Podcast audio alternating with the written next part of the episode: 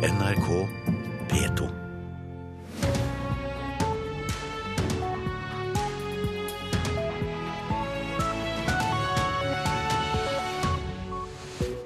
Velkommen til Nyhetsmorgen. Klokka er 6.30. I studio nå Anne Jetlund Hansen, og dette er hovedsakene våre. Dersom du hadde planer om å reise med Norwegian i dag, så bør du forberede deg på å ta noen grep. Streiken blant flygerne fortsetter, og bare fem innenriksavganger går som normalt, ifølge selskapet. Sykehusene i Oslo skjerper kravene til tolker. Overlege Kirsti Haaland føler seg tryggere med en profesjonell tolk når hun møter pasienter. Både fordi at det er gode språkkunnskaper, og fordi at man tar bort eh, synsing og følelser rundt det hele. Norske medier stenger kommentarfeltene sine altfor ofte, det mener Norsk Presseforbund. Det betyr at samfunnsdebatten knebles, sier generalsekretær Kjersti Løken Stavrum. Det jeg ser som kanskje er grunn til bekymring, er at veldig mange av de redigerte mediene eh, lukker flere og flere saker. Streiken i Norwegian fortsetter altså, og også i dag så er de fleste av innenriksflyvningene i Skandinavia innstilt. 35 000 passasjerer blir berørt i dag, og så langt har streiken rammet over 100 000 passasjerer, ifølge selskapet selv. I går kveld så møttes partene i konflikten i debatten her i NRK. Du må eh, få lov til å ha en avtale med den arbeidsgiveren som bestemmer. Pilotene krever at de skal ha den kommersielle styringen av selskapet, og det er måten vi flyr på. Nei, altså Vi er ikke spinnvill. Nei, de ble ikke enige i går heller, paratleder Hans Erik Skjeggerud og Norwegian-sjef Bjørn Kjos. Pilotene vil ha en form for avtale med morselskapet Norwegian Air Shuttle. Kjos vil organisere dem i datterselskaper. Frykten er at arbeidsplassene forsvinner over tid. Hvis man ikke har en avtale med den reelle arbeidsgiveren. Sa Skjeggerud om hvorfor fagforeningen er så imot denne organiseringen, mens Kjos på sin side ga følgende forklaring på hvorfor han ikke vil la dem få viljen sin. De skal være ansatt i morselskapet. og Da får du en risiko som gjør at vi greier ikke å finansiere ett eneste av de flyene som vi kommer til de 240 flyene som vi kommer fremover. Kjos mente for øvrig at debatten nå handlet altfor mye om prinsipper og altfor lite om streikerammede flyreisende. Skal du bare la dem seile sin egen sjø fordi at her er det prinsipper i arbeidslivet, eller skal du prøve å ta hånd om passasjerene? Det er ingen som bryr seg om passasjerene inni denne. Vi står på tur, her og, og, og, og slåss for prinsipper. Etter at sendingen var over, tydet mye på at det ikke ville bli noen nye samtaler mellom partene i løpet av natten. Men ingen ville heller utelukke at det kan bli aktuelt å be Riksmekleren om hjelp i løpet av dagen i dag. Leder i Norwegian Pilot Union, Halvor Vatnar, sa det slik sent i går kveld. Vi eh, er klare til å møte de hvor som helst, når som helst, hvis de er villige til å diskutere reell innhold i en ny tariffavtale, som vi har sagt nå i fem-seks dager siden det ble et brudd. Reporter her var Halvard eh, Norum. Forsker Kristine Nergård ved forskningsstiftelsen Fafo, god morgen. God morgen. Du har jo fulgt mange tariffoppgjør. Hvordan vil du beskrive det siste døgnet? Det er ganske dramatisk. Du hører at det er veldig skarp tone mellom partene. Og så fikk vi også den situasjonen i går hvor eh, Norwegian plutselig oppretter tre nye datterselskaper og sier at disse skal nå pilotene overflyttes i. Og det er jo et eh, uvanlig grep i, midt inne i en arbeidskonflikt. Hvilke konsekvenser får akkurat det siste her på kort og på lang sikt? Eh, på kort sikt så er det ikke sikkert det får noen særlige konsekvenser. Altså, nå var nok flere av disse arbeidsrettsjuristene litt i stuss i går. Altså, hva vil dette her bety? Men mye tyder på at streiken kommer til å fortsette som tidligere på sikt så vil jo det bety at uh, altså man forsøker da å få en situasjon hvor du får tre tariffavtaler. En for piloter i Norge, en for piloter i Sverige og en for piloter i Danmark. Og kanskje da gjøre at en streik blir mindre krevende ved neste korsvei. Er dette et brudd med uskrevne regler i arbeidslivet, at de gjør dette midt under en streik? Ja, det vil jeg nok si at det er. Og Vanligvis så vil jo den type prosesser medføre at du drøfter det først med fagforeningene dine. eh, hvilke konsekvenser det vil ha. Hvis det er snakk om en virksomhetsoverdragelse, så skal man jo også drøfte det med de ansatte. Nå er jo bare selskapene oppretta så langt, det er ingen arbeidstakere som er overført. Men det at man på en måte bare gjør det uten å kjøre disse prosessene med medbestemmelse, drøftinger osv., det er ganske uvanlig for et stort selskap. Jeg ser at sjefen i konkurrenten SAS sier til Dagens Næringsliv i dag at han ikke tror at lavprisselskapene vil ansette en eneste flyger på vanlig kontrakt i tiden fremover. Hvordan ser du på det? Det ser i hvert fall ut som om det er veien man går. Det har jo det er en bransje hvor man ser vekst i ulike typer kontrakter, inkludert det at uh, piloter og andre jobber som selvstendige. Altså de er rett og slett ikke ansatt i det hele tatt. Eller de er ansatt i uh, bemanningsselskaper som leverer tjenester uh, og konkurrerer med hverandre. Men hvordan det da vil være i Norge, altså om et selskap som skal fly innenlands i Norge eller innenlands i Norden, hvor vi har fortsatt kan du si, et litt annet arbeidsliv, eh, vil gjøre det med sine innenlands ansatte, det er jeg mer usikker på. Men at dette her er, er et stort press for å gjøre det på de rutene hvor man konkurrerer utenlands, det tror jeg. Forsker Kristine Nergård, takk for at du kom hit til Nyhetsmorgen. Norge får skylden for flere av Sør-Sudans problemer i en rapport laget av Den afrikanske unionen. Nyhetsbyrået Reuters har fått tak i et 60 sider langt utkast til dokumentet som skulle legges frem i januar. Men rapporten ble holdt tilbake i frykt for å ødelegge de pågående fredsforhandlingene i landet. I rapporten står det at veien mot løsrivelse var preget av feil og mangler, fordi blant andre Norge, USA og Storbritannia var var partiske og presset for eh, hardt. Kvalifiserte tolker kan sikre at pasienter ikke blir feilbehandlet. Men mange av tolkene som blir brukt i helsevesenet har ikke formelle kvalifikasjoner. Nå har Oslo universitetssykehus opprettet sin egen tolkesentral og skjerper dermed kravene. Kirsti Holland er overlege ved barneavdelingen og føler seg tryggere med profesjonell tolk. Både fordi at det er gode språkkunnskaper, og fordi at man tar bort eh, synsing og følelser rundt det hele. For følelser kan bli helt feil. F.eks. hvis legen vil spørre en kvinne om ammingen går greit. Ektemannen, som skal oversette, svarer at det går helt fint. Selv om det ikke er tilfellet, og det kan da være at han egentlig ikke vet hvordan det går med ammingen, eller at han ikke vil sette sin kone i et dårlig lys, at det er noe hun ikke får til, eller at han eh, ikke egentlig vil snakke om dette her. I en rapport fra 2012 kom det fram at 90% av tolkene ved Oslo-sykehusene ikke hadde formelle kvalifikasjoner. Nå har Oslo universitetssykehus opprettet en egen tolkesentral som kun gjør avtale med profesjonelle tolker. Som enten er statsautoriserte eller har uh, utdanning fra høyskole og universitet. Sier prosjektleder Hanne Løfsnes. Vi uh, ser på CV, karakterer, vi intervjuer alle sammen og har uh, god kjennskap til hvordan de fungerer som tolk. Fra i år skal sentralen dekke behovet for tolking ved alle Oslo-sykehusene, pluss Ahus og Sunnaas sykehus. I dag har de tolker som dekker 20 språk, men de trenger flere. Vi har registrert eh, oppdrag på 85 språk. Språkene som brukes mest er somali, arabisk, urdu og polsk. Ursula Srebrovska er statsautorisert tolk i polsk. På sykehuset kan det være spørsmål om liv og død. Er du redd for å gjøre feil? Det er man alltid. Og det er det som var det store ansvaret. Derfor er det kjempe, kjempeviktig å være ydmyk i det yrket. Man må tørre å stille spørsmål. Profesjonelle tolker vet at det viktigste er hvis du ikke vet, er usikker, spør, spør, spør, spør. Uansett hvor flaut det kan være. Ved Oslo universitetssykehus ble det gjennomført 15 000 konsultasjoner med tolk i fjor. Prislappen var på 15 millioner kroner. Men samtidig spares etter alt å dømme penger på annet hold, sier prosjektleder Løfsnes.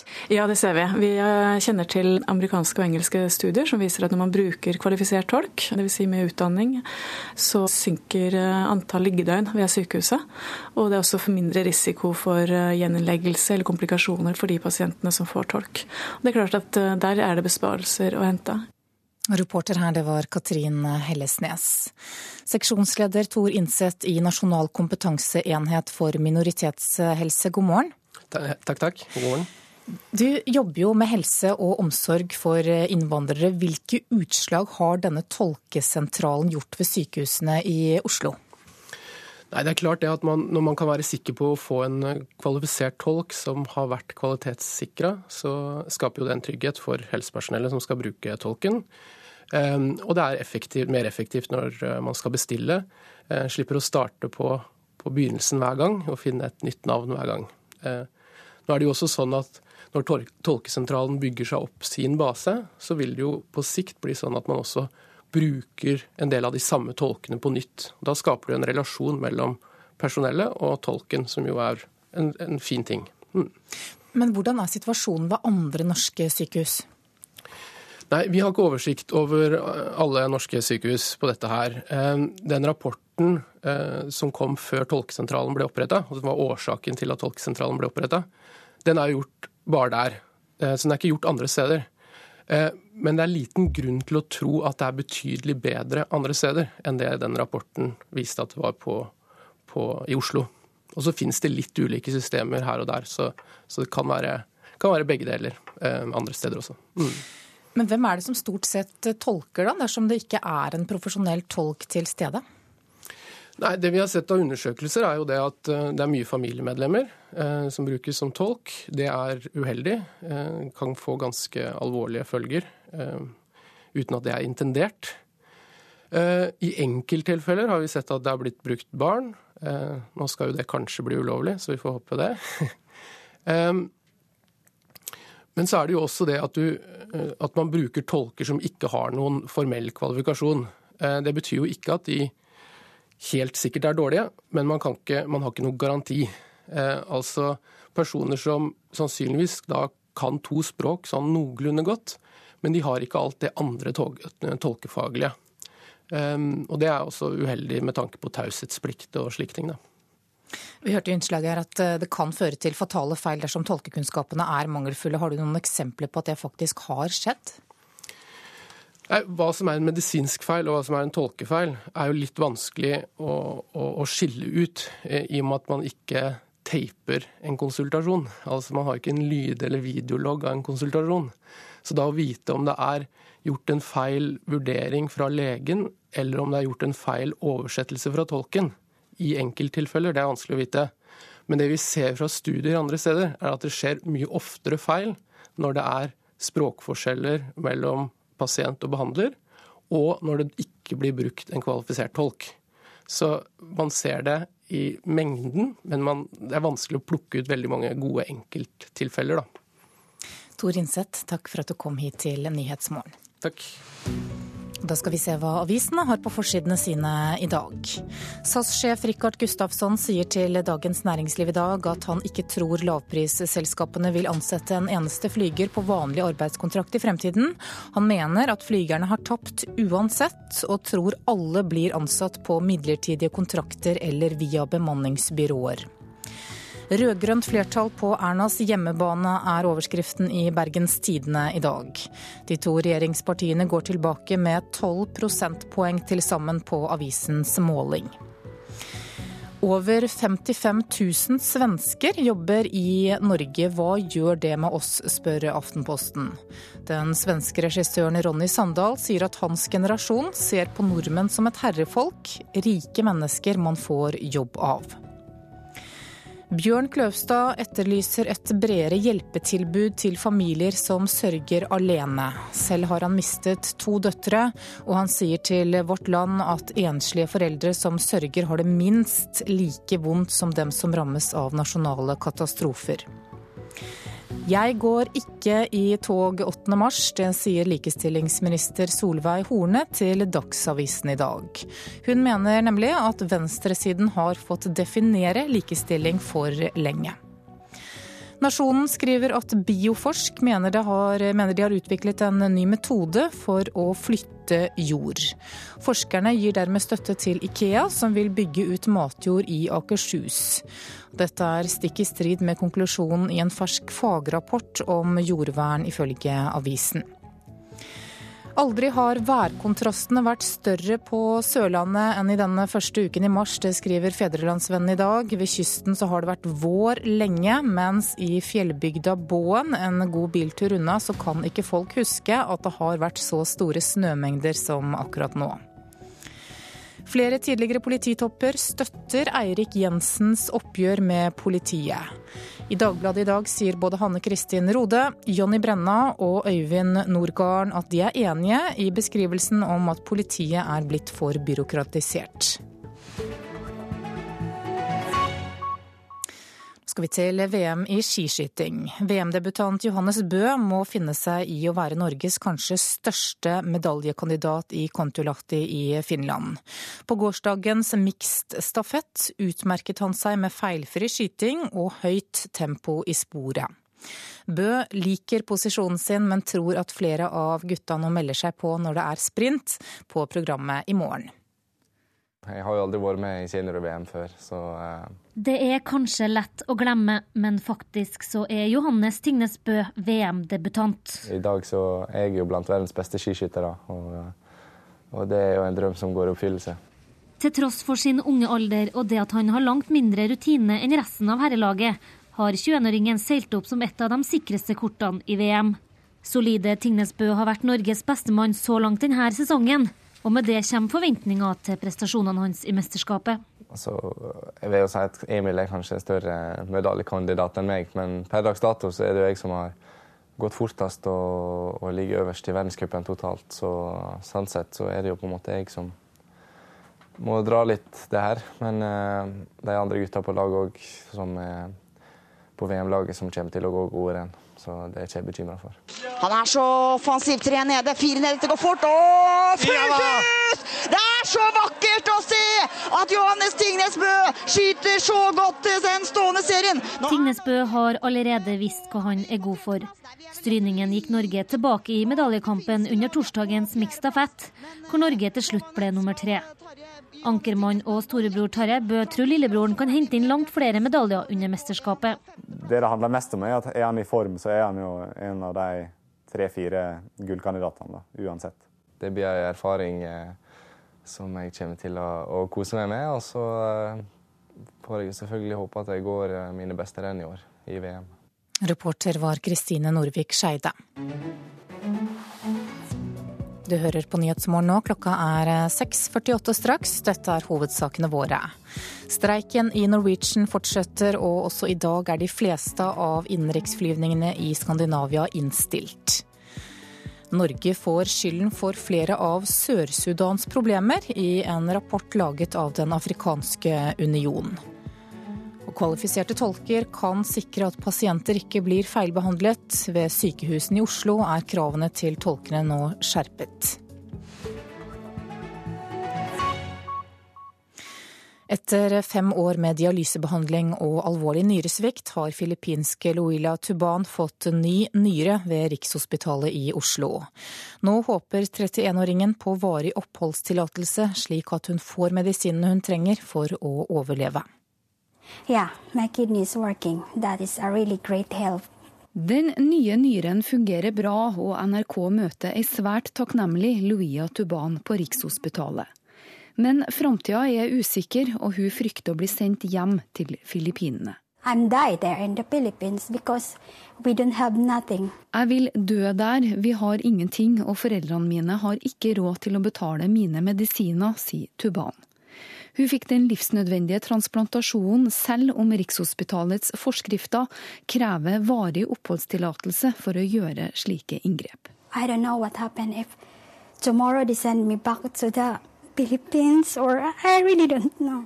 Luia Tuban kom til Norge som au pair for fem år siden. Kort tid etter ankomst fikk hun akutt nyresvikt og ble lagt inn ved sykehuset i Levanger. Vertsfamilien trakk tilbake arbeidsavtalen, og med det falt grunnlaget for opphold i landet bort. I really trust Dr. Vidro. From the start, he was with me, and he always told me that never give up because I always beside you all the time. Tuban takker overlegen ved sykehuset i Levanger, Tor Erik Widerøe, som har kjempa mot systemet for å gi henne helsehjelp og varig oppholdstillatelse. Widerøe mener det er utenkelig å sende 31-åringen ut av landet nå. Hun kan ikke forflyttes nå. Og Rikshospitalet setter som absolutte betingelser eh, at de forblir i landet og kontrolleres av en nyrespesialist resten av livet. I really need a lot, like uh, seven types of medicine or six. Hun er avhengig av seks til sju medisiner hver dag, fysioterapi og oppfølging. Håpet er å kunne dra hjem til Levanger og samboer Frank Haugskott om ikke lenge. I mellomtida blir det mye kontakt på FaceTime. Yeah, nice to see you too. Og samboer Haugskott håper de to nå kan begynne å planlegge resten av livet sammen. Nei, Nå gleder jeg meg til framtida. Nå skal det bli godt å få begynne å planlegge både turer og arbeid og ja, vanlige dagligdagse ting som vi ikke har kunnet gjort før. Ja, Det er opp til Utlendingsnemnda å avgjøre om Tuban skal få varig opphold. Reporter her var Elisabeth Skarru. Mediene bør bruke mer ressurser på å holde kommentarfeltene sine åpne. Det mener generalsekretær Kjersti Løken Stavrum i Norsk Presseforbund. Da NRK viste intervjuet med mulla Krekar i forrige uke, så måtte saken fjernes fra NRKs Facebook-sider etter bare 15 minutter. Det kommer eh, flommer av si, brunt og blått vann i, i alle veier, eh, som gjør, som gjør, det på en måte utrivelig å være der. Krekar i stort NRK-intervju.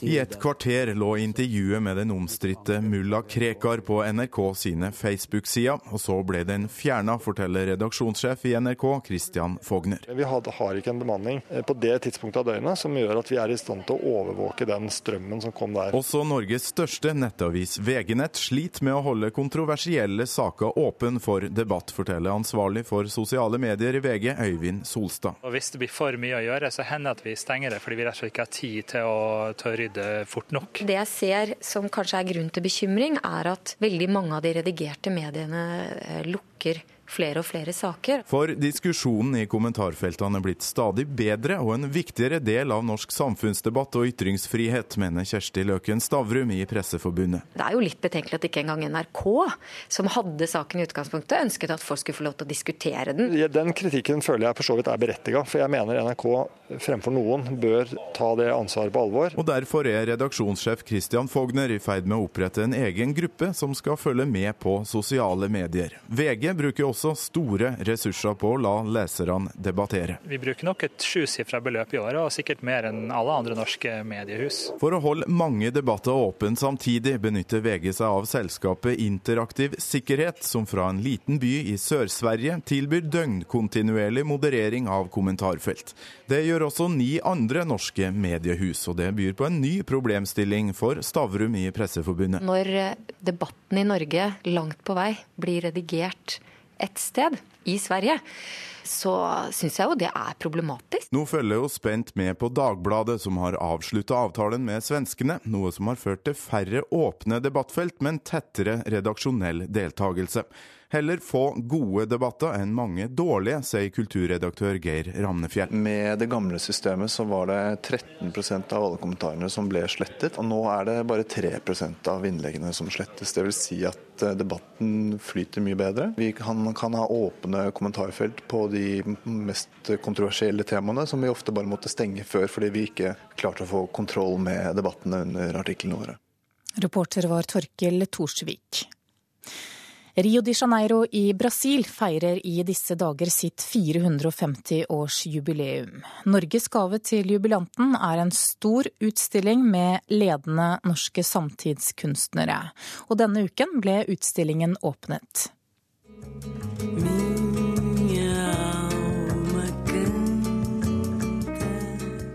100 bilder laget av 21 norske samtidskunstnere er ute på en lang reise. Kunst av store navn som Kjell Nupen, Bjarne Melgaard, Inger Sitter og Håkon Bleken er satt sammen i en utstilling som overgår det meste av det som er vist av norsk samtidskunst her i Brasil. Stedet er kultursenteret Correios i sentrum av Rio de Janeiro, et av byens beste utstillingslokaler. Norges generalkonsul her i Rio, Helle Klem, åpner utstillingen som har fått navnet Gjenkjennelse moderne norsk grafikk. Man eh, håper og tror at disse bildene skal snakke til mennesker på en måte som gjør at de får en eller annen opplevelse av gjenkjennelse. Den norske utstillingen her i Rio er en fødselsdagsgave og jubilanten er byen selv. I disse dager feirer Rio de Janeiro sin 450-årsdag, og kultursenterets direktør Marcelle Piton er lykkelig over gaven. Det beriker oss brasilianere å oppleve kunst som både er av en så høy kvalitet, og som er så forskjellig fra det som lages av våre egne kunstnere, sier hun. Muita alegria mais na nossa det er mer glede i bildene våre kunstnere lager. Det norske artister lager, er kjøligere og mer reflektert, kanskje mer problematiserende. Dette avspeiler sikkert det faktum at klimaet og mentaliteten er forskjellig, sier direktør Marcelle Piton. Blant de mange unge besøkende på utstillingen er den 20 år gamle Marcella Fageneiden fra Rio. Jeg gikk inn på nettsiden til Kultursenteret og ble nysgjerrig da jeg leste om denne norske utstillingen. Jeg visste ingenting om norsk samtidskunst før jeg kom hit, men er nå blitt veldig fascinert. Jeg liker Nupen og Dolk og Bleken som vi har her foran oss, sier 20-åringen her fra Rio. Ja, vår reporter i Rio, det er Arnt Stefansen. Da skal vi se på et værvarsel som gjelder til midnatt. Fjellet i Sør-Norge kan vente seg vestlig frisk bris i dag, stort sett opphold. I kveld økning til sørvestlig stiv kuling og litt snø. Østlandet og Telemark stort sett pent vær, i kveld sørlig bris. Frisk bris på kysten og til skyene. Agder skyet i vest, ellers stort sett pent vær. Fra i ettermiddag sørvestlig bris. Frisk bris på kysten. Litt regn i vest, ellers opphold. Vestlandet sør for Stad sørvestlig frisk bris. Enkelte regnbyger, snø over 300 meter. I ettermiddag økning til sørlig stiv kuling på kysten. I kveld sterk kuling nord for Bergen, ved Stad full storm. Litt regn og snø over 600 meter. Møre og Romsdal og Trøndelag kan vente seg sørvestlig liten kuling på kysten i dag. Enkelte regnbyger, snø over 200 meter. I kveld sørlig stiv kuling utsatte steder. Regn på Sunnmøre, ellers opphold. Nordland sørvestlig liten kuling på kysten. I kveld sørlig stiv kuling utsatte steder. Regnbyger og snø over 400 meter. Troms sørvestlig liten kuling utsatte steder. Stiv kuling på kysten. Regnbyger, snø over 300 meter. Finnmark sørlig stiv kuling, minkende til sørvestlig liten kuling. På vidda frisk bris. Snø som brer seg fra vest, senere sluddbyger på kysten i vest. Nordensjøland på Spitsbergen sørøstlig stiv kuling, i ettermiddag minkende til sørlig frisk bris og snø. Så tar vi med temperaturene som ble målt klokka fire. Da hadde Svalbard lufthavn null grader, Kirkenes minus fire, Vardø minus to, Alta minus én, Tromsø null, Bodø fire, Brønnøysund fem, Trondheim fire, Molde fem, Bergen seks, Stavanger og Kristiansand fem, Gardermoen to, Lillehammer minus to, Røros minus én og Oslo-Blindern fire plussgrader klokka fire. Klokka er 7.03 eh, og Nyhetsmorgen fortsetter med disse sakene. Hvorfor er det så vanskelig å få oss til å donere organer? Aldri har donorkøene vært lenger her i landet. Regjeringen og samarbeidspartiene får kritikk etter at de bare brukte en drøy time på å diskutere fremtidens klimamål. Og bare i dag så blir 40 000 passasjerer rammet av streiken i Norwegian. Ventelistene på å transplantere et nytt organ har aldri vært lengre enn i dag. Nye sykdommer gjør at stadig flere av oss trenger et nytt organ, men antallet som er villig til å donere bort et, har stått på stedet hvil de siste årene. Tove Mette Dimmen i Oslo har ventet på en nyre i åtte år. Slangen ligger langs veggen og inntil vasken på kjøkkenet. I en leilighet på Oppsal viser Tove Mette Dimmen fram dialysemaskinen som holder henne i live. For folk flest er det nyrene som gjør denne jobben, nemlig å rense blodet for avfallsprodukter og overflødig vann. For Tove Mette har ventetiden på en fungerende nyre vært lang. Jeg skulle gjerne vært transplantert for å stå på venteliste. For nå har jeg stått på venteliste siden januar 2007. Og det er jo veldig kjedelig, syns jeg, da. Allerede som tolvåring ble Tove Mette alvorlig syk. Hun forteller om en tung periode der hun til tider mistet livsgleden. Da det sto på som verst, lot hun være å ta medisinene sine, i håp om at det ville gjøre slutt på det hele.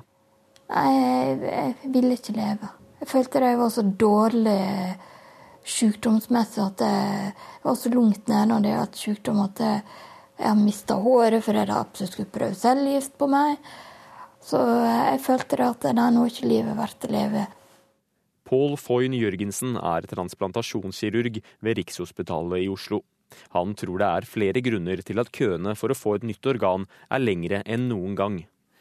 Flere meldes nok på med tanke på transplantasjon. Eh, noe henger sammen med også at eh, befolkningen blir litt eldre, og at tilbudet for transplantasjon kommer den delen av befolkningen også til gode.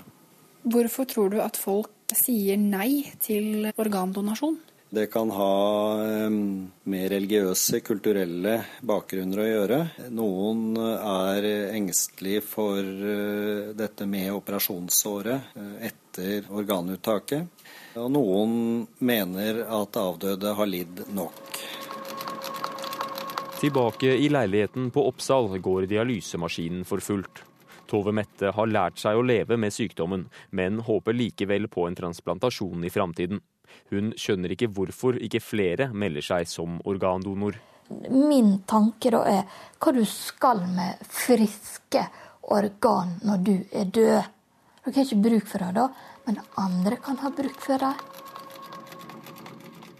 Ja, reportere her det var Vegard Vallestrand og Kristine Hirsti. Hege Lundin Kule, daglig leder i stiftelsen Organdonasjon, god morgen. Hei, takk. Hvorfor er det så vanskelig å få folk til å gi fra seg organer? Jeg tror i utgangspunktet at befolkningen er veldig positiv til organdonasjon. Det viser en del undersøkelser bl.a. fra Sverige. Eh, jeg tror det er ganske så likt her. Folk er positive. Men problemet er at de aldri har delt dette med sine nærmeste. Det er tema de kanskje syns er vanskelig å snakke om. Og når noe skjer, så er det de pårørende som skal bekrefte din vilje. Og når de ikke vet, det er da det kan bli et nei. De er usikre på hva avdøde selv ønsker, og velger da et nei i en presset situasjon. Er det lettere for pårørende å si nei da, da? Jeg tror det kan være lettere å tenke som så at eh, nå tror jeg den avdøde skal få, få, fred. Og dette er noe vi aldri har snakket om. Og husk at dette spørsmålet kommer etter en brå død, et uh, veldig vondt dødsbudskap, og så skal man forholde seg til en helt ny problemstilling som kanskje aldri har vært snakket om. Og det tror jeg kanskje kan være en av de største årsakene til at det blir for mange nei i en reell situasjon. Hvilke organer er det størst behov for? Det er flest som venter på nyre. Absolutt flest som venter på nyre. Uh, ja. Hvordan går jeg frem da, dersom jeg ønsker å, å, bli donor? Ja, Det aller aller viktigste er jo det jeg nevnte i stad, at du må dele det med dine nærmeste, sånn at de vet det og kan bekrefte din vilje for deg hvis dette spørsmålet kommer opp. Det som er veldig fint, er at man da henter seg et donorkort på apoteket eller legekontoret, eller man laster det ned til sin telefon. Og der skriver man også under på at man har informert sine nærmeste. Og på den måten så vet de. Og vi ser også at det er stadig flere som bruker sosiale medier til å fortelle at de vet. Og det er kanskje en litt greiere måte å gjøre det på enn å ta samtalen om middagsbordet. Og hvis jeg har bestemt meg, hva skjer da når jeg dør? Eh, når du dør, og hvis du dør på den måten at du kan bli en organdonor, så vil donorsykehuset eh, stille spørsmålet til dine pårørende om de kjente til din holdning til organdonasjon. Hvis det blir et ja, så vil det komme et eh, team fra Rikshospitalet, reise opp til donorsykehuset, operere ut organene, ta de med tilbake til Rikshospitalet, hvor alle transplantasjoner foretas, og operere da de organene inn i de menneskene som venter. Hvordan er ventelisten her i Norge da, sammenlignet med andre land? Altså, Vi er jo bekymret for lange ventelister hos oss, og at de har økt veldig den siste tiden. Men igjen så har jeg lyst til å si at vi er et av de landene med absolutt kortest ventelister og kortest ventetider når vi sammenligner oss med resten av verden. Likevel, ventelistene er altfor lange, og vi kan så mye, mye bedre. Hvem er, som, hvem er det som har mest bruk for disse organene, da? Altså, De som står på venteliste, det er jo de som har forventet kort levetid. Når det gjelder nyrepasienter, så kan de gå i dialyse, men for svært mange så er dette en stor belastning. Eh, men for andre organer så dreier det seg om mennesker som har veldig kort forventet levetid. Så dette organet, eller disse organene vil være deres eh, måte å kunne fortsette å leve på. Stortingets helse- og omsorgskomité skal i neste uke utarbeide forslag til ny transplantasjonslov. Hvilken effekt tror du det kan ha? Jeg tror nok den ikke vil ha noe spesiell effekt i det hele tatt. Det er en lov som befester allerede god praksis. Eh, når det dreier seg om å øke donasjonsraten, så er det du og jeg, alle de der ute, som kan gjøre noe med det. Ingen lov. Hege Lundin Kule, takk for at du kom hit til Nyhetsmorgen. Og du kan lese mer om dette på NRKs nettsider nrk.no. En drøy time var alt regjeringen og samarbeidspartiene brukte for å diskutere fremtidens klimamål. En klimaforsker sier avtalen etterlater flere spørsmål enn svar, og en rekke næringer lurer på hvorfor regjeringen ikke kommer med konkrete tiltak. Bondelaget kaller avtalen tannløs. Ja, jeg syns jo at det er litt tannløst av, av politikerne. Vi etterlyser at regjeringa setter seg konkrete mål, og det være sektormål, som vi har å forholde oss til når vi skal investere. Ja, Hvor mye haster det? Ja, Vi er jo klar i dag. Sier Kristin Jansen, nestleder i Norges Bondelag. Bønder, industrien, handelen. Alle etterlyser mer konkrete klimatiltak. Det kom frem under gårsdagens høring på Stortinget, der klimameldingen var tema. Det som er aller viktigst for klima, det er at vi kommer i gang med konkrete tiltak. Vårt budskap det er jo at eh, nå må politikerne pushe seg selv Altså, Vi er jo eh, klare. Direktøren i Skogeierforbundet Erik Lanstein er utålmodig. Det samme er Tord Lien, daglig leder i Maritimt Forum. Nei, Det haster veldig med konkretisering. Her det handler også om norske arbeidsplasser. Vi kan ta en posisjon som en nasjon som utvikler mulig teknologi, eller vi kan overlate det til andre. Så Skal vi komme i en posisjon, så må det skje noe i Norge nå. Og, og her må politikerne rett og slett ta styring og føring, og vi syns ikke det har vært offensivt nok så langt. I februar ble regjeringen og samarbeidspartiene enige om å bli en del av EUs felles klimamål der 40% av utslippene skal kuttes. Etter det NRK erfarer, satt partene kun sammen en drøy time før de kom til enighet. De valgte å se bort ifra de vanskelige spørsmålene, sier Steffen Kalbekken, forskningsleder ved Cicero. Ja, Det er helt opp til politikerne å velge å si mer om de tiltak og virkemidler vi skal gjennomføre. Vi er ikke nødt til å vente på avtalen med EU for å kunne bestemme oss for hva vi gjør. Og det vil jo være viktig for at folk har forutsigbarhet og vet hva de kan forvente seg i årene som kommer. Men per i dag så er det veldig mange spørsmål som, som er uavklart. Klima- og miljøminister Tine Sundtoft kan ikke love flere konkrete tiltak i nær fremtid, men sier hun er glad for engasjementet. Jeg tenker at jeg er litt overraska over at ikke de over at hva de etterlyser mer på dette. Vi er ganske klare på hvor vi skal bidra. Men tror du at de næringene som nå sier at de er klare og etterlyser tiltak, er fornøyd med det svaret du ga deg? Det jeg tar som et uttrykk for eh, det, er at det er positivt at næringslivet er er eh, med på denne endringen, at de er utålmodige. Hva var det egentlig regjeringen Venstre og KrF jublet over da de stolt erklærte at Norge skal knytte seg til EUs klimamål? Det tror jeg ikke de vet selv, sier Johanne Hauge, klimarådgiver i Naturvernforbundet. Jeg tror ikke de helt vet hva de har gått inn på. Men det er det ingen av oss som faktisk vet. Vi vet ikke hva EU kommer fram til før i 2018-2019, når de er ferdig med sine eh, behandlinger. Det er lett å bli enige om at vi skal samarbeide med EU når man ikke vet hva det faktisk vil bety. Og reporter her var Line Tomter. I dag faller dom i saken mot kvinnen som er tiltalt for å ha drept ektemannen sin på Tranby i Buskerud i mars for to år siden. Aktor krever at den 53 år gamle kvinnen blir dømt til fengsel i 21 år, mens kvinnens forsvarere ber om at hun frifinnes for overlagt drap. Det er ingen tekniske bevis som knytter kvinnen direkte til dødsfallet. Statsadvokat Trude Elisabeth Sparre vil ha lovens strengeste straff for den 53 år gamle kvinnen som er tiltalt for å ha dopet ned og drept ektemannen. Per Gunnar Asheim ble funnet død i en utbrent bil på Tranby Lier i påsken for snart to år siden. Statsadvokaten mener at kvinnen skal dømmes for alle punktene hun er tiltalt for. Det vil si overlagt drap, fysisk og psykisk mishandling av ektemannen og barna, i tillegg til å ha truet og påvirket vitner. Kvinnens forsvarer Anders Vesteng ba om at 53-åringen frifinnes for overlagt drap. Vesteng sa i retten at de mener Per Gunnar Asheim tok sitt eget liv. Kvinnen har erkjent delvis eller helt straffskyld for de øvrige punktene i tiltalen. Det er knytta stor spenning til om de fem dommerne vil finne kvinnen skyldig i drap på ektemannen. Ja, og Det sa reporter Heidi Elisabeth Odde. Dommen avsies i Drammen tingrett klokken tolv i dag, og du kan følge saken på nettsidene våre nrk.no. Så skal vi tilbake til streiken i Norwegian. Vi er klare på kort varsel, det sier paratleder Hans Erik Skjeggerud, og han tar selvkritikk etter gårsdagens tøffe ordbruk mot selskapet. Streiken i Norwegian fortsetter altså, og også i dag er de fleste av innenriksflyvningene i Skandinavia innstilt. Nesten 40 000 passasjerer blir berørt i dag. Nei, Nå uh, håper jeg jo selvfølgelig at vi kan se inn mot denne dagen og håper at den bringer med seg noe annet enn uh, enda flere datterselskap. Uh, nemlig at vi får nye forhandlinger som kan gi oss en løsning og dermed en slutt på streiken. Det var ganske harde ord som ble brukt i går gjennom dagen. Er det en ekstra belastning for eh, det å komme til en enighet? Eh, det er aldri bra om en konflikt eskalerer utover det som er nødvendig. Tror du begge parter vil være tjent med å endre litt på ordbruken fra i går? Ja, det eh, tror jeg helt klart. Tar du noe som helst selvkritikk av hva du sa i går?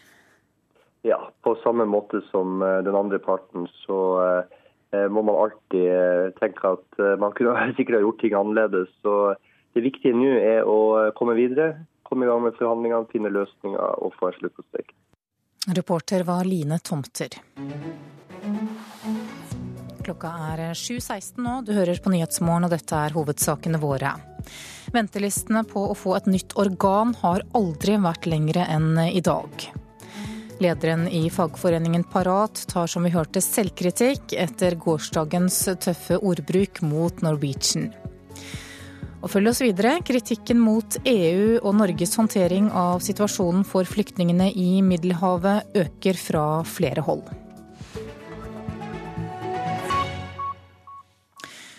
Først skal det handle om Sør-Sudan. Norge må ta på seg deler av skylden for dagens konflikt i landet. Det kommer frem i et utkast til den store granskningsrapporten som Den afrikanske union har fått utarbeidet om borgerkrigen i Sør-Sudan.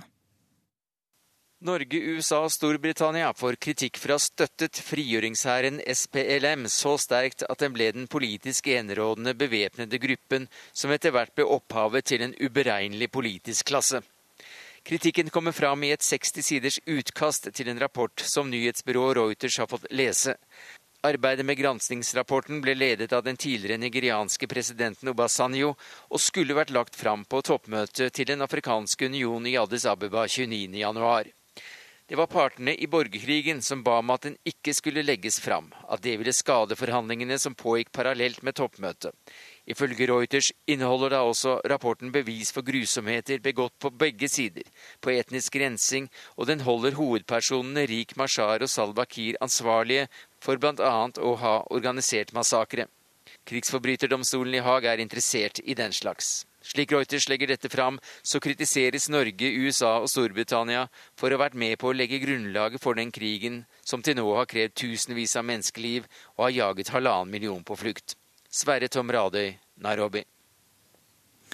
skal vi høre at eh, flyktningkatastrofen i Middelhavet er ute av kontroll, og kritikken mot EUs og Norges håndtering av situasjonen øker fra flere hold.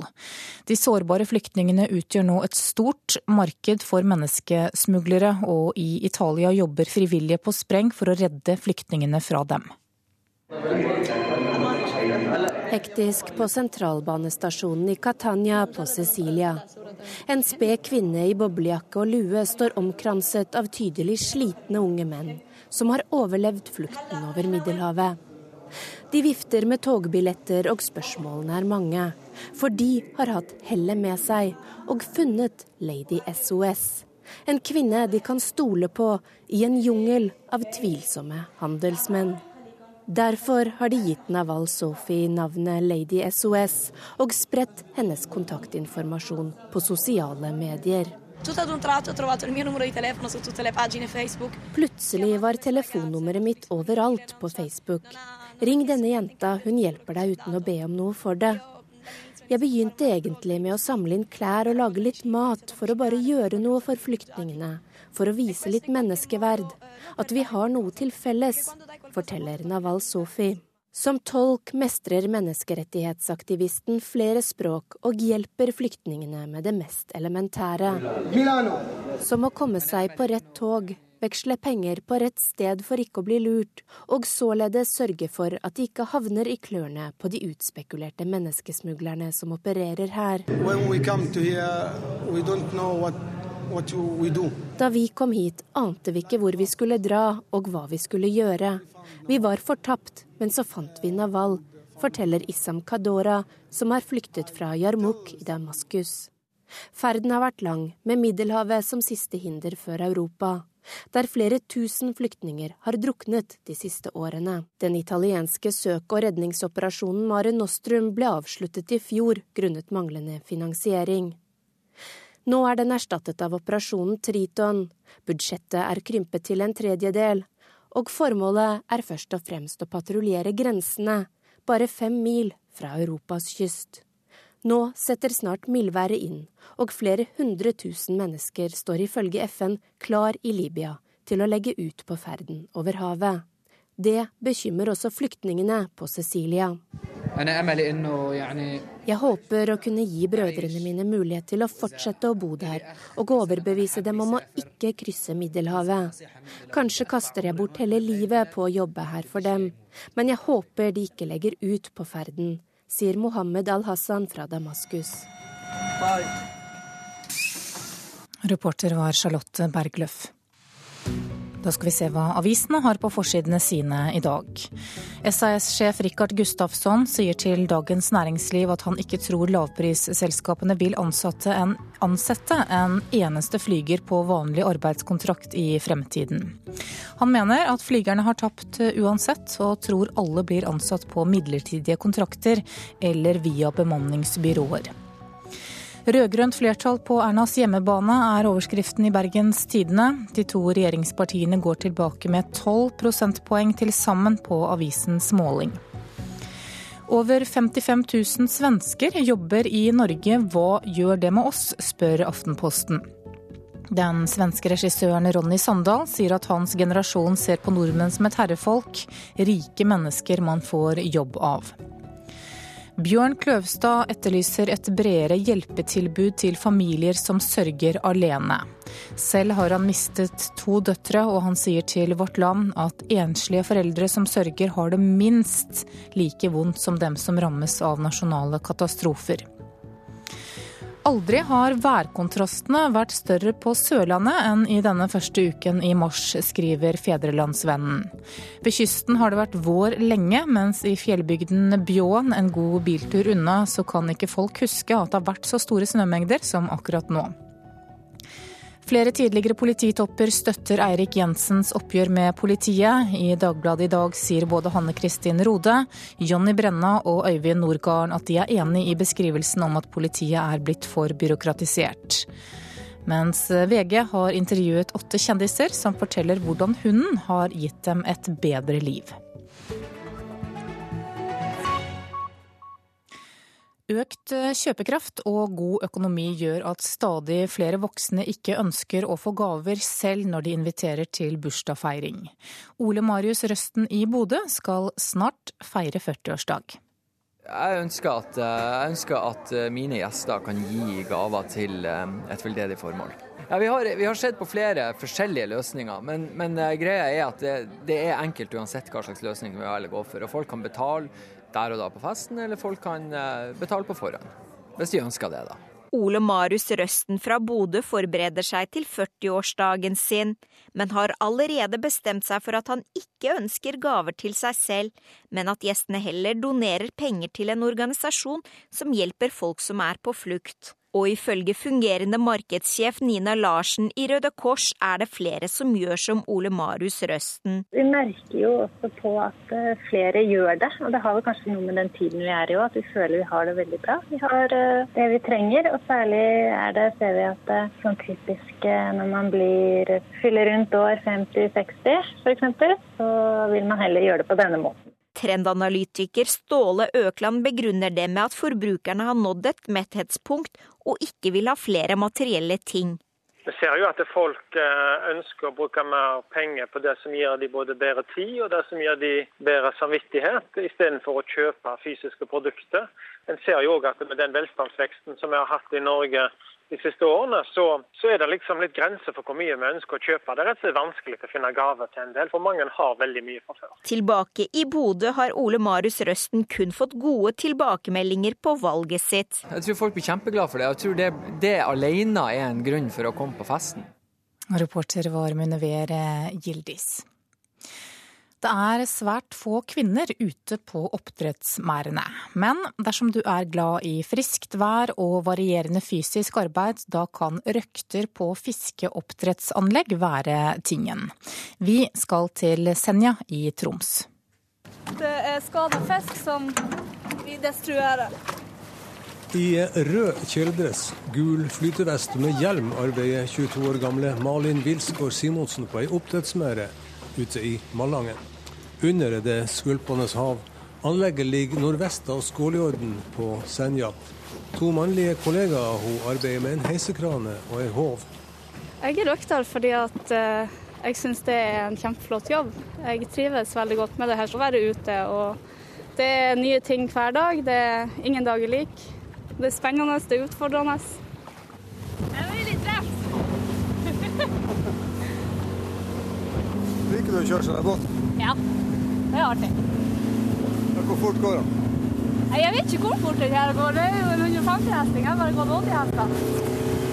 Ja, friskt er det når båten Malin kjører skyter med minst 30 knop mot sørøsten som øker på.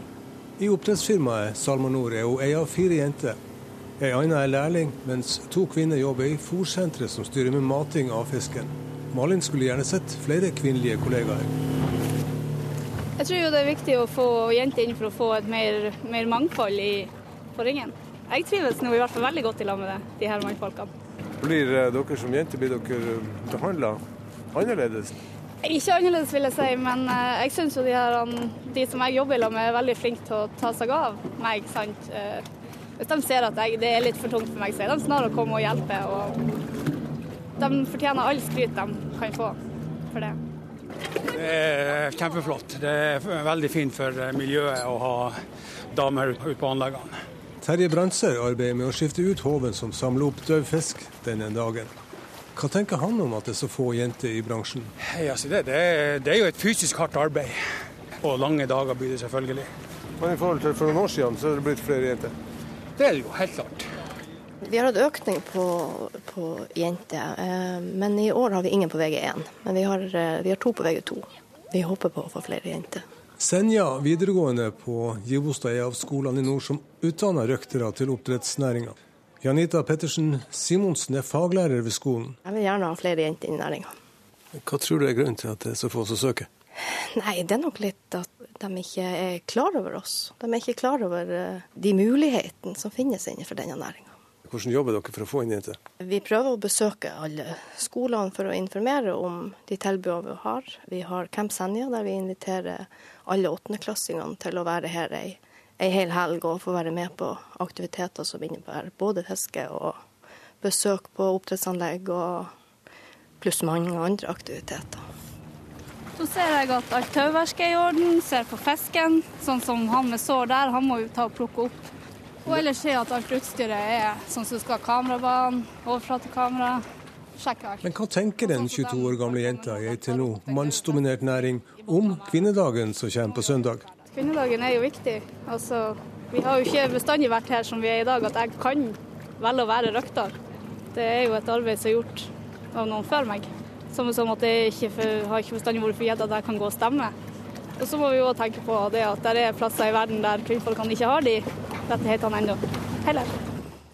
Reporter var Arild Moe. Du lytter til Nyhetsmorgen nå. Klokka nærmer seg 7.30 og Dagsnytt. I reportasjen etter det så skal du få høre at kritikerne til Hillary Clinton har fått rikelig med vann på mølla. Likestillingsminister Solveig Horne vil ikke gå i tog 8. mars, og det blir det debatt om i Politisk kvarter klokka 7.45. Produsent for Nyhetsmorgen i dag er Marte Halsør, og her i studio Anne Jetlund Hansen.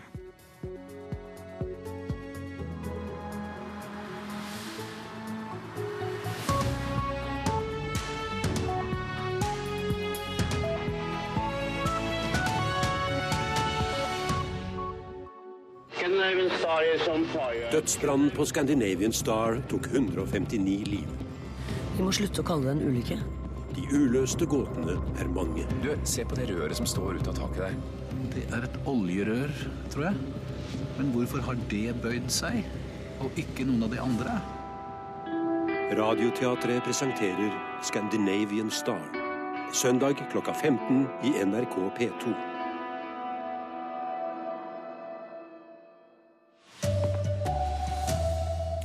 Flygernes fagforening sier de angrer på den harde ordbruken mot Norwegian, vil ha nye møter for å få slutt på streiken. Køen for å få nytt hjerte, lunger eller nyrer har aldri vært så lang som nå. Og Norge får deler av skylda for borgerkrigen i Sør-Sudan. Her er NRK Dagsnytt klokka 7.30. Vi er klare på kort varsel, det sier Parat-leder Hans Erik Skjeggerud. Han tar selvkritikk for gårsdagens tøffe ordbruk mot Norwegian. Streiken i Norwegian fortsetter, og også i dag er de fleste av innenriksflygningene i Skandinavia innstilt. Parat vil møte Norwegian til forhandlinger raskest mulig. Vi er klar eh, når som helst, hvor som helst eh, og på kort varsel. Tror du begge parter vil være tjent med å endre litt på ordbruken fra i går? Ja, det eh, tror jeg helt klart. Tar du noe som helst selvkritikk av hva du sa i går? Ja, eh, man kunne sikkert ha gjort ting annerledes. så det viktige nå er å komme videre. Klokken er kun halv sju når NRK ringer, men Skjeggerud er lys våken og sier han er klar til å rykke ut på svært kort varsel. I går kalte han Norwegian useriøse. Ordbruken mellom de to partene eskalerte gjennom gårsdagen. Samtidig står fly på bakken, selskapet taper enormt med penger, og partene uttrykte i går at de var langt unna en løsning. Nå er nok nok, nå må de komme til forhandlingsbordet, og vi må ha et, et forslag på bordet som ikke inneholder krav om å ha styringsrett i konsernet. Sa kommunikasjonsdirektør Anne Sissel Skånevik til NRK i går. Nå erkjenner Parat-lederen at det er helt nødvendig at begge parter jekker seg. Eh, det er aldri bra om en konflikt eskalerer utover det som er nødvendig. Eh, så Sånn sett så, så gjør jo det konflikten eh, vondere og vanskeligere enn den kanskje hadde trengt å være. Reporter Line Tomter. Ventelistene for å få organtransplantasjon har aldri vært lengre enn i dag. Stadig flere av oss trenger et nytt organ, men antallet som er villig til å donere, har ikke økt like mye. Tove Mette Dimmen har ventet på en nyre i åtte år. Slangen ligger langs eh, veggen og inntil vasken på kjøkkenet. I en leilighet på Oppsal viser Tove Mette Dimmen fram dialysemaskinen som holder henne i live. For folk flest er det nyrene som gjør denne jobben, nemlig å rense blodet for avfallsprodukter og overflødig vann. For Tove Mette har ventetiden på en fungerende nyre vært lang. Nå har jeg stått på venteliste siden januar 2007, og det er jo veldig kjedelig, syns jeg da. Allerede som tolvåring ble Tove Mette alvorlig syk. Hun forteller om en tung periode der hun til tider mistet livsgleden. Jeg, jeg ville ikke leve. Jeg følte det var så dårlig sykdomsmessig at jeg var så langt nede når det gjaldt sykdom. at jeg, Så jeg følte det at det er nå ikke livet verdt å leve. Pål Foyn Jørgensen er transplantasjonskirurg ved Rikshospitalet i Oslo. Han tror det er flere grunner til at køene for å få et nytt organ er lengre enn noen gang. Flere meldes nok på med tanke på transplantasjon. Eh, noe henger sammen med også at eh, befolkningen blir litt eldre, og at tilbudet for transplantasjon kommer den delen av befolkningen også til gode. Tilbake i leiligheten på Oppsal går dialysemaskinen for fullt. Tove Mette har lært seg å leve med sykdommen, men håper likevel på en transplantasjon i framtiden. Hun skjønner ikke hvorfor ikke flere melder seg som organdonor. Min tanke da er hva du skal med friske organ når du er død. Dere har ikke bruk for det da, men andre kan ha bruk for det. Mer om denne saken på nrk.no. Reportere Vegard Valestrand og Kristine Hirsti. Norge må ta på seg deler av skylda for dagens konflikt i Sør-Sudan. Det kommer fram i et utkast til den store granskingsrapporten som Den afrikanske union har fått utarbeidet om borgerkrigen i landet. Norge, USA og Storbritannia får kritikk for å ha støttet frigjøringshæren SPLM så sterkt at den ble den politisk enerådende bevæpnede gruppen som etter hvert ble opphavet til en uberegnelig politisk klasse. Kritikken kommer fram i et 60 siders utkast til en rapport som nyhetsbyrået Reuters har fått lese. Arbeidet med granskingsrapporten ble ledet av den tidligere nigerianske presidenten Obasanjo, og skulle vært lagt fram på toppmøtet til Den afrikanske union i Addis Abeba 29.1. Det var partene i borgerkrigen som ba om at den ikke skulle legges fram, at det ville skade forhandlingene som pågikk parallelt med toppmøtet. Ifølge Reuters inneholder da også rapporten bevis for grusomheter begått på begge sider, på etnisk rensing, og den holder hovedpersonene Rik Mashar og Salwa Kiir ansvarlige for bl.a. å ha organisert massakre. Krigsforbryterdomstolen i Haag er interessert i den slags. Slik Reuters legger dette fram, så kritiseres Norge, USA og Storbritannia for å ha vært med på å legge grunnlaget for den krigen som til nå har krevd tusenvis av menneskeliv og har jaget halvannen million på flukt. Sverre Tom Radøy, Nairobi. Det har foreløpig ikke lykkes NRK å få en kommentar fra Utenriksdepartementet. Mange av tolkene som blir brukt i helsevesenet har ikke formelle kvalifikasjoner. Gode tolker kan sikre at pasienter ikke blir feilbehandlet, og sparer dessuten sykehus for unødvendige utgifter. Ved Oslo universitetssykehus var det i fjor 15 000 konsultasjoner med tolk til stede. Nå har de opprettet sin egen tolkesentral og har skjerpet kravene til tolkene. Det er kjempe, kjempeviktig å være ydmyk i det yrket. Du må alltid være klar over at du kan gjøre feil. Ursula Srebrovska er statsautorisert tolk i polsk, et av språkene det er mest bruk for ved Oslo-sykehusene. Hun advarer mot ukvalifiserte tolker, og forteller om en fødsel hvor en kvinne skulle få beskjed om at morkaken hadde løsnet. Og den mannlige tolken som oversatte at ja, nå skal livmoren falle ut. Og du kan tenke deg hvor redd hun dama ble. Misforståelser kan føre til fatale feil. Likevel tar sykehusene sjansen på å bruke tolker uten formelle kvalifikasjoner. Etter en svært kritisk rapport i 2012 har Oslo universitetssykehus opprettet en egen tolkesentral. De gjør bare avtale med utdannede tolker, sier prosjektleder Hanne Løfsnes. Vi ser på CV, karakterer, vi intervjuer alle sammen og har eh, god kjennskap til hvordan de fungerer som tolk. Prislappen på tolking ved Oslo universitetssykehus i fjor var på 15 millioner kroner.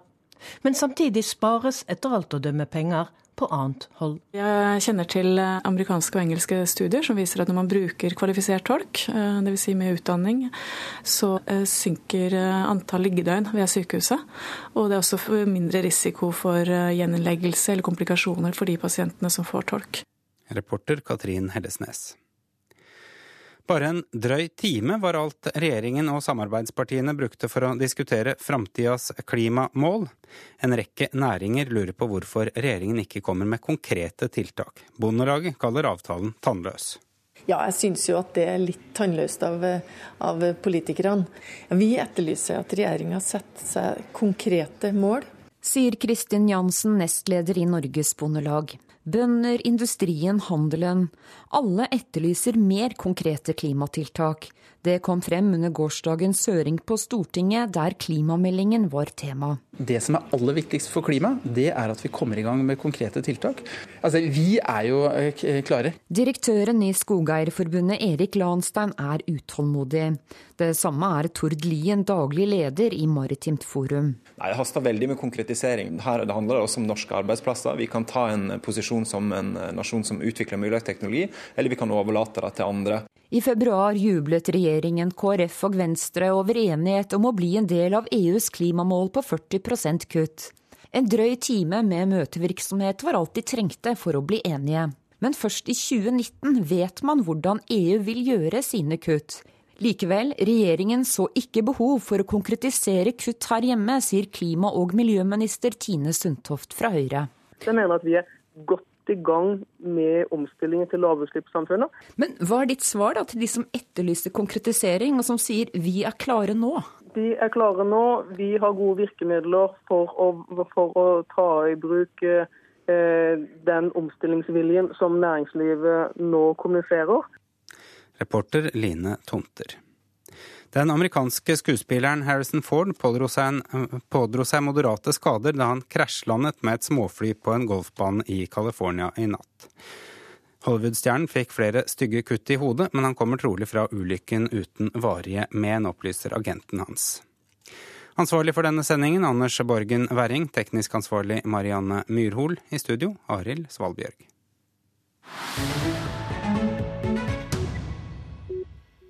Klokka er 7.40, eh, og i Nyhetsmorgen nå skal vi til USA. Hillary Clinton er i trøbbel, og skandalen hun står midt oppe i nå kan komme til å vare i mange måneder.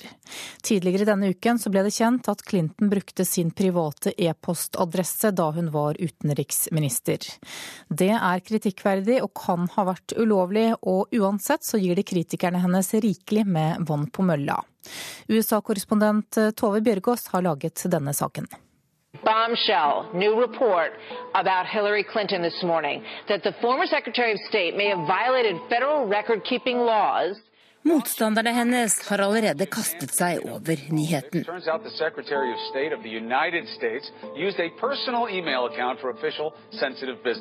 På tirsdag ble det kjent at Hillary Clinton brukte en privat e-postkonto da hun var utenriksminister.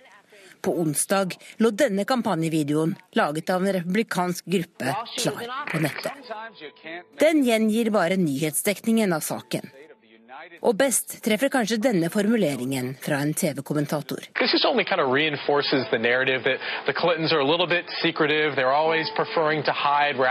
Hillary og Bill Clinton er litt hemmelighetsfulle. De virker alltid som de har noe å skjule. Akkurat det spør mange også i Det demokratiske partiet seg her nå. Har Hillary Clinton noe å skjule? Mener hun og ektemannen at de er hevet over andre mennesker, og at vanlige regler ikke gjelder for dem? Og i så fall, er det en slik president amerikanerne vil ha? Hillary Clinton var utenriksminister i fire år, og skal i hele denne perioden ha brukt en privat e-postkonto i stedet for Utenriksdepartementets offisielle. Det reiser mange vanskelige spørsmål. En slik konto kunne lettere ha blitt hacket, og dermed innebåret en sikkerhetsrisiko for USA. Men viktigere, Hillary Clinton kan ha slettet korrespondanse hun ikke ville at noen skulle få kloa i.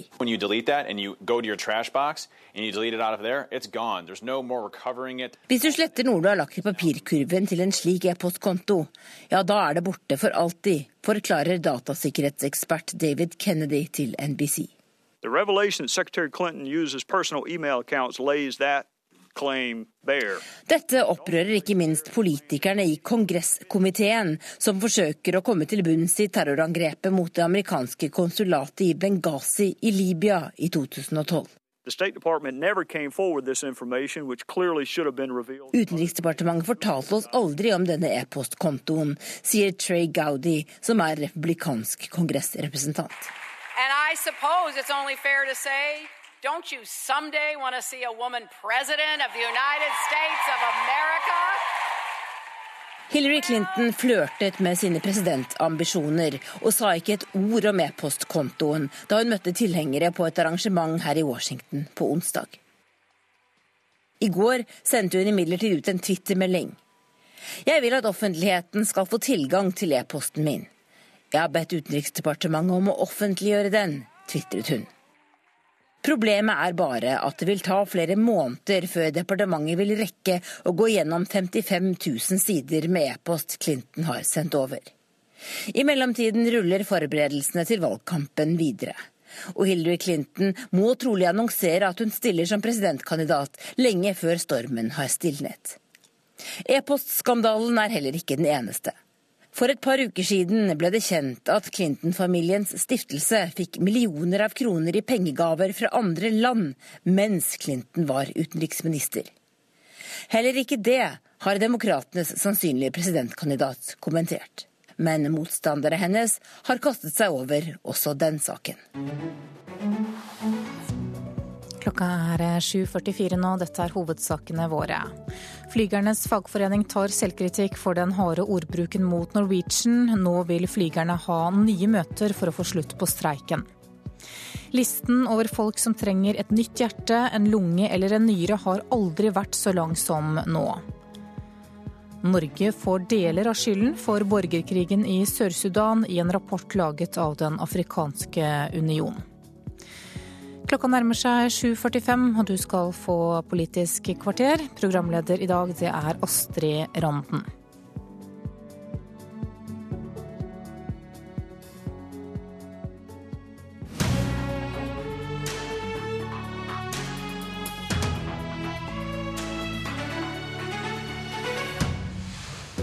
En likestillingsminister som ikke vil gå i 8. mars-tog, møter LO-leiren som skal toge mot regjeringa sin politikk.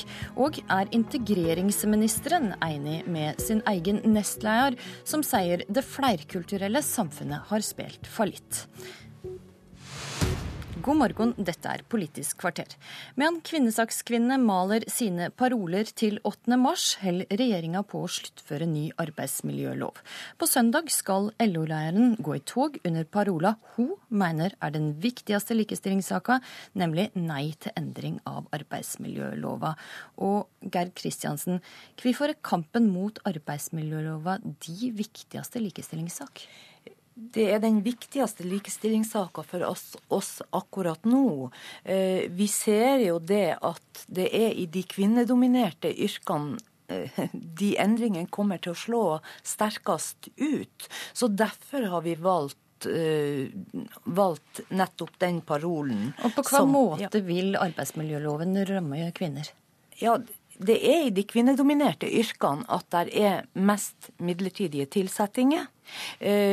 Og de endringene som skjer i forhold til arbeidstid, vil jo også slå ut i disse yrkene veldig sterkt. Så det, er det som er årsaken til at det er hovedparolen nå på 8. mars. Og det vil bli flere midlertidige kvinner, frykta det som resultat av denne lova? Det frykter vi, og vi frykter også at uh, man fra arbeidsgiversida har en mulighet til å gjøre et sterkere inngripen i eh, den private sfæren til folk. Likestillingsminister Solveig Horne, er det ei kvinnefiendtlig lov de fire samarbeidspartiene nå sitter og forhandler om? Nei, overhodet ikke. Og jeg mener at venstresiden har bomma totalt når de sier at arbeidsmiljøloven er den viktigste likestillingsutfordringen som vi har i Norge i dag.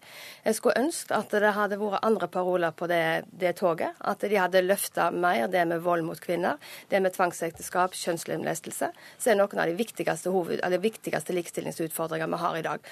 vi skal arbeids... komme litt ja. tilbake til det, men for å ta arbeidsmiljølova først. altså Det Geir Kristiansen sier her, er jo at det, det er åpning for mer, flere midlertidige vil ramme kvinner hardest. Det blir flere midlertidige kvinner.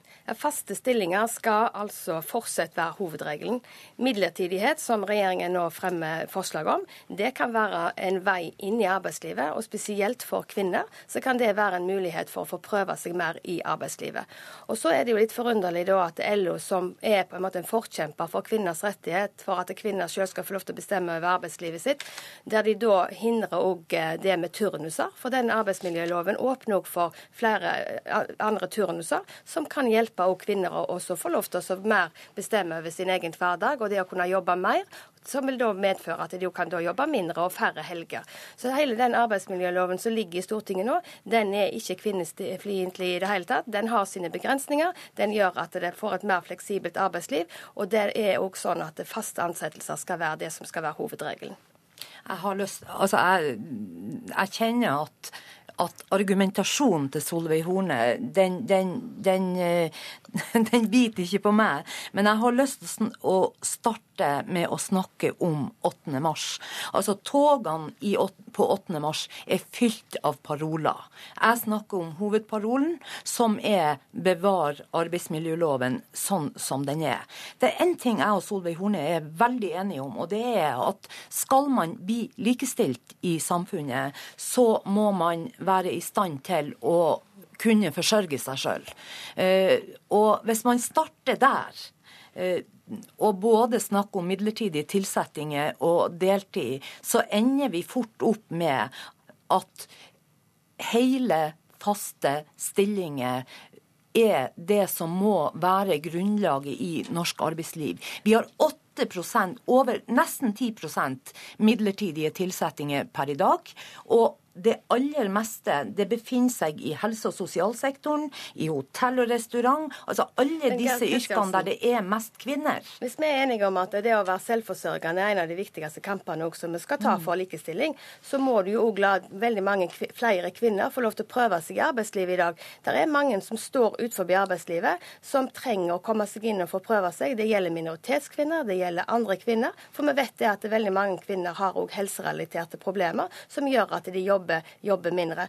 Og Med den ordningen nå med å få en større fleksibilitet, det å kunne få muligheter til flere ansett, midlertidige ansettelser, det vil altså kunne skape flere arbeidsplasser for kvinner.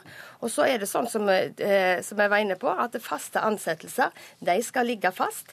Det skal òg være fireårsregelen. Og det er viktig for regjeringen å ha de, de, de begrensningene der, men likevel kunne åpne opp for at flere skal kunne prøve seg i midlertidige stillinger. Og så må vi ikke glemme òg det som gjelder turnus turnus. Der er altså arbeidstakere som er organisert i både Fagforbundet og LO, som ber om å få lov til å jobbe andre turnuser. Der er LO og Fagforbundet de som faktisk hindrer at kvinner får lov til å få bestemme sjøl og litt mer over sin egen hverdag, det å kunne jobbe andre turnuser. men, men Solveig Horne, det er vel et faktum at også Likestillingsombudet har sagt at forslaget til arbeidsmiljølov som det har lagt fram, det er ikke kvinne det, det er kvinnefiendtlig. Ja, det er, jeg har hørt det er mange som, som, er negative til dette. Men jeg mener at Også ditt eget ombud? Ja, både Likestillingsombudet og, og, LO sier det. Men likevel så er det ingen som har, kan klart si det at dette her vil være likestillingshemmende. Og jeg mener at det faktisk skal andre veien. For det, det er flere kvinner nå som kan få prøve seg i arbeidslivet, vise hva de kan. Og som igjen så må vi ikke, må vi ikke stikke under en stol på det at de aller fleste som jobber i midlertidige stillinger i dag, de kommer òg over i faste stillinger. Så det er faste stillinger som skal ligge fast, men regjeringen ønsker at det skal være muligheter for flere midlertidige ansettelser. Ok, og så er det også sånn at eh, På 8. mars så hoved, altså går hoved, flere av hovedparolene mot regjeringa sin politikk. Du mener de bomma. Hvor burde kvinnesakskvinnene vært eh, opptatt av? Nei, De burde ha løfta det med vold. Det er 10% av norske kvinner i dag som blir utsatt for vold og overgrep i nære relasjoner. Det er altså 69 000 jenter som hver eneste dag blir utsatt for tvangsekteskap. Det er 125 millioner som blir utsatt for kjønnslemlestelse. Det er paroler som både venstresida og høyresida burde ha stått sammen om og løfta. Det er et tema som jeg løfter i min likestillingsdebatt. Det er det jeg òg løfte internasjonalt. Okay. Og det er viktige saker som venstre- og høyresida burde stått sammen om å kjempe mot. Ok, Solveig Horne skal altså sjøl ikke gå i tog, men uh, si at det velger feil saker. Hva syns du om det, Ja, Det syns jeg jo er ganske spesielt. Eh, Solveig Horne og mange på høyresida burde ha engasjert seg mer i hvordan man, man markerer 8. mars. Og hvis det er vanskelig for høyresida å gå i de 8. mars-togene som toget gjennom gaten, så er det fullt mulig å lage sine egne. Men jeg har lyst til å si at det er ikke bare Likestillingsombudet som, som, eh, ikke vil ha, som, som kritiserer dette med kjønnsperspektivet. Solveig Horne, til og med ditt eget departement sier i høringa at likestillingsperspektivet ikke er vurdert godt nok i forslagene til arbeidsmiljølov. Vi får høre med Horne først. Vi får høre med Ja. Horne først. Har du tenkt å lage ditt eget tog? Nei, det har jeg ikke. Jeg har aldri gått i 8. mars-tog, eh, og kommer ikke til å gå i det heller. Jeg har andre måter å markere kvinnelikestillingsutfordringer på. Ok, og med det så eh, sier jeg takk for at du kom til studio, Geir Kristiansen. For du skal haste videre til frokostmøte i LO om kvinnedagen. Solveig Horne, du blir sittende.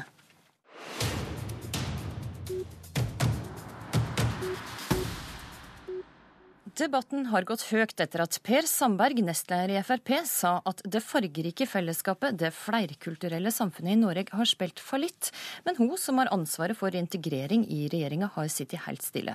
Derfor spør jeg deg nå, Solveig Horne, som altså ikke bare er likestillingsminister, men også integreringsminister. Er du enig eller uenig med Per Sandberg, som sier det flerkulturelle samfunnet har spilt fallitt? Jeg mener at det flerkulturelle samfunnet har gjort det at Norge har eh, fått en, eh, en økonomisk vekst, eh, og at det kan være en ressurs for det norske samfunnet. Men i likhet med Per Sandberg så ser jeg at det er utfordringer med integreringspolitikken i dag. Og Derfor er jeg veldig glad for å kunne komme her og kunne snakke om regjeringens integreringspolitikk, for det, at det blir et viktig arbeid framover. Men kan altså jeg bare hatt prøve å stille spørsmål en gang til? Er du enig eller uenig med Per Sandberg, som sier at det flerkulturelle samfunnet har spilt fallitt? Jeg er enig med Per Sandberg som sier veldig klart at det er utfordringer med, med integreringspolitikken i dag. Okay, det sier regjeringsplattformen òg veldig klart. Og jeg er veldig glad for at Per Sandberg òg har skrevet under på regjeringserklæringen, som sier veldig klart og tydelig at det er utfordringer med integreringspolitikken, men at det er òg ført til et mangfold og vekst i den økonomiske eh, i økonomien i Norge. Ok, Du er mer glad for at han har skrevet under regjeringsplattformen enn at han sier at eh, det flerkulturelle samfunnet har spilt fallitt? Per Sandberg peker på noen veldig viktige eh, punkter når det gjelder de utfordringene vi har på integreringspolitikken. Men trekker han det ikke- litt langt når han sier at det flerkulturelle samfunnet har spilt på litt? Jeg kommer ikke til å gå inn i, i den diskusjonen noe mer enn å si at jeg er enig med Per Sandberg om at vi har utfordringer når det gjelder integreringspolitikken i dag. Og jeg har lyst til å, eh, å gå litt mer inn i det. For det er sånn at det sitter altså 5500 i mottak og venter på en kommune å bo i. Da har, det, altså, da har vi utfordringer. Vi vet at det er 47 av de som er ferdig med introduksjonsprogrammet, ikke kommer seg ut i arbeid eller utdanning. 47% Da kan vi ikke si at vi er fornøyde. Vi ser eh, tendenser og vi ser at, eh, på radikalisering. Vi ser at eh, unge mennesker som har lovlig opphold i Norge, reiser for oss å være med i, i terrorbekjempelser i utlandet. Da har vi altså ikke lykkes med integreringsutfordringene som vi har i dag. Ok, Vi har utfordringer vi har ikke lykka, men kan du si om du syns det flerkulturelle samfunnet fungerer godt eller dårlig? På veldig mange eh, områder så fungerer det flerkulturelle samfunnet eh, godt. Det har òg ført til økonomisk vekst. Det understreker regjeringsplattformen veldig tydelig. Men som integreringsminister så har jeg ei oppgave, og det er å få bosatt de som har fått lovlig opphold. Og det å passe på at de som da skal bosettes, blir integrerte på en god måte, sånn at de er med og bidrar til samfunnet. At de får brukt sine ressurser. Da må vi som samfunn gi dem de verktøyene, både med språkopplæring, utdanning og arbeid. Og hvis ikke vi klarer det, da får vi utfordringer som vi ser som ikke noen av oss liker. Vi skal høre litt på hva Per Sandberg har sagt, men først skal vi få høre hva justisminister Anders Anundsen svarer på spørsmålet om terroraksjonene i København har en sammenheng med islam. Nei, eh, det oppfatter ikke jeg. Jeg oppfatter at dette er ekstremister som har et forkvaklet syn på religion, som eh, benytter religion som en unnskyldning for å ramme andre mennesker. Det er også viktig at en ikke nå kommer i en situasjon hvor en ser på dette som en slags eh, religionskonflikt. Det mener jeg at ikke det er grunnlag for å si at det er. Nei, Justisministeren står ikke alene på dette standpunktet. Jeg registrerer at det er, det er motpoler. Så du er uenig med Anundsen her? Ja, eller justisministeren må jo bare mene det han mener i forhold til dette. Altså, Vi ser, enten det er Europa eller, eller verden for øvrig, så ser vi at man bruker islam Eh, og det er kobla tydelig sammen med vold. og Da syns jeg det er naivt av oss å tro eh, og mene noe annet. Solveig Horne, hvem støtter du? Din egen nestleder eller justisministeren? Det er forferdelig det som skjedde i København. Og det var et angrep på både ytringsfriheten, religion og minoriteter. Og det er kommet mye lenger, nærmere oss enn det vi, det vi, liker. Det er viktig at vi sammen står opp for ytringsfriheten og religionsfriheten, og at vi kjemper imot den terroren som, som også kan ramme oss her i Norge. Derfor er jeg veldig glad for at regjeringen har eh, samla lagt på plass en handlingsplan mot radikalisering og mot eh, voldelig ekstremisme. For det, det er mitt ansvar okay, som ja, integreringsminister å kunne ha fokus på det er en forebygging, slik at vi kan forebygge at ungdom og unge folk ikke reiser til utlandet og er med i terrorhandlinger. Mm, jeg går litt tilbake til, til, spørsmålet som jeg stilte. For den ene sier her at det er naivt å øh, frikoble islam fra vold. Den andre sier at øh, det er viktig å frikoble vold fra det som øh, islamister gjør fra religion. Er du hvem, hvem støtter du i denne saken? her? Jeg har ikke tenkt å gå inn si, i den debatten i dag. Som integreringsminister så er mitt hovedansvar det å få integrert de som har fått lovlig opphold. Da må vi òg eh, jobbe med forebygging. Jeg er òg familie- og oppvekstminister og skal passe på at de som har kommet til landet, som har fått lovlig opphold, skal bli integrert, få en tilhørighet til samfunnet. Og det er altså skremmende når vi ser det at veldig mange ungdom ikke føler en tilhørighet til samfunnet. Da er vi nødt til sammen eh, jobbe for at skal, de skal klare det. Det er et forebyggingsarbeid som jeg har ansvar for. Der må både alle de religiøse miljøene ta et ansvar, der må foreldrene ta et ansvar, og der må vi som samfunn ta et ansvar for å få integrert de ungdommene, slik at de blir tilhørighet til samfunnet. Men vil du si at islam ikke er en voldelig religion? Jeg mener Det som har skjedd, og de terrorhandlingene som vi har sett både i Paris og i København nå, det er altså forferdelige angrep på både ytringsfriheten og på religion og minoriteter. Eh, og det er viktig at vi står opp for eh, både ytringsfriheten og religionsfriheten. Det er et arbeid som regjeringen setter høyt på dagsorden, og som er viktig for meg som inkluderingsminister å få fram. Men, men, kan du svare meg på om du syns islam er en voldelig religion eller ikke? Et, eh, i, når det gjelder mange religioner, så er det eh, fare for ekstremisme. Om det gjelder kristendom eller det gjelder islam. Det som er viktig å få fram, er at vi må ha ytringsfrihet der, og religionsfrihet. Og der må jeg si takk for at du kom til Politisk kvarter, Solveig Horne. I studio i dag var Astrid Randen.